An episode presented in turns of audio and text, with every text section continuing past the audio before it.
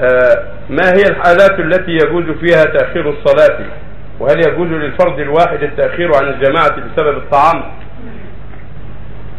تأخير الصلاة له أسباب في السفر والحضر في الحضر إذا كان هناك أسباب لأهل المسجد فاشتد مثلا فيهم مطر وأرادوا أن يؤخروا حتى يدخلوا يصلوا المسجد أخروا عليه مطر أو لمرض أصابهم فأخروا أو ما أشبه ذلك أو لانتظار جماعة العشاء من كان إذا حضروا عجلها وإذا تأخروا أخرها على صلاة العشاء إذا أخروا عليه حضور الباقين أو لجنازة تحضر حتى يصلى عليها لئلا يتعطل الصلاة تتعطل الصلاة عليها أو ما أشبه ذلك من الأعذار الشرعية والمقاصد الشرعية.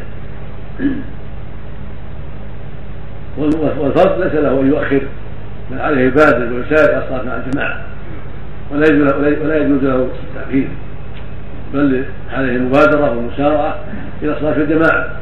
كما قال النبي صلى الله عليه وسلم سمع فلم ياتي فلا صلاة له إلا من عذر.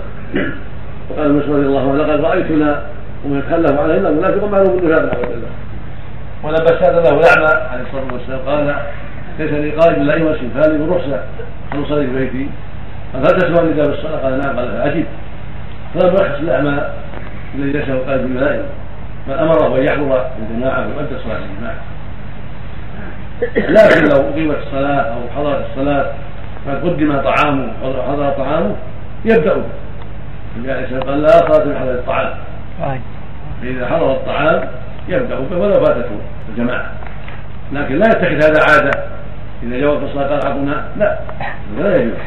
لكن لو قدر انه صادف صادف انه قدم الطعام ثم اذن المؤذن فانه يبدا بقدر الطعام المقدم أما اتخاذه عادة فهذا معناه أنه أراد بذلك تعطيل الجماعه هذا لا يجوز هذا من عمل المنافقين.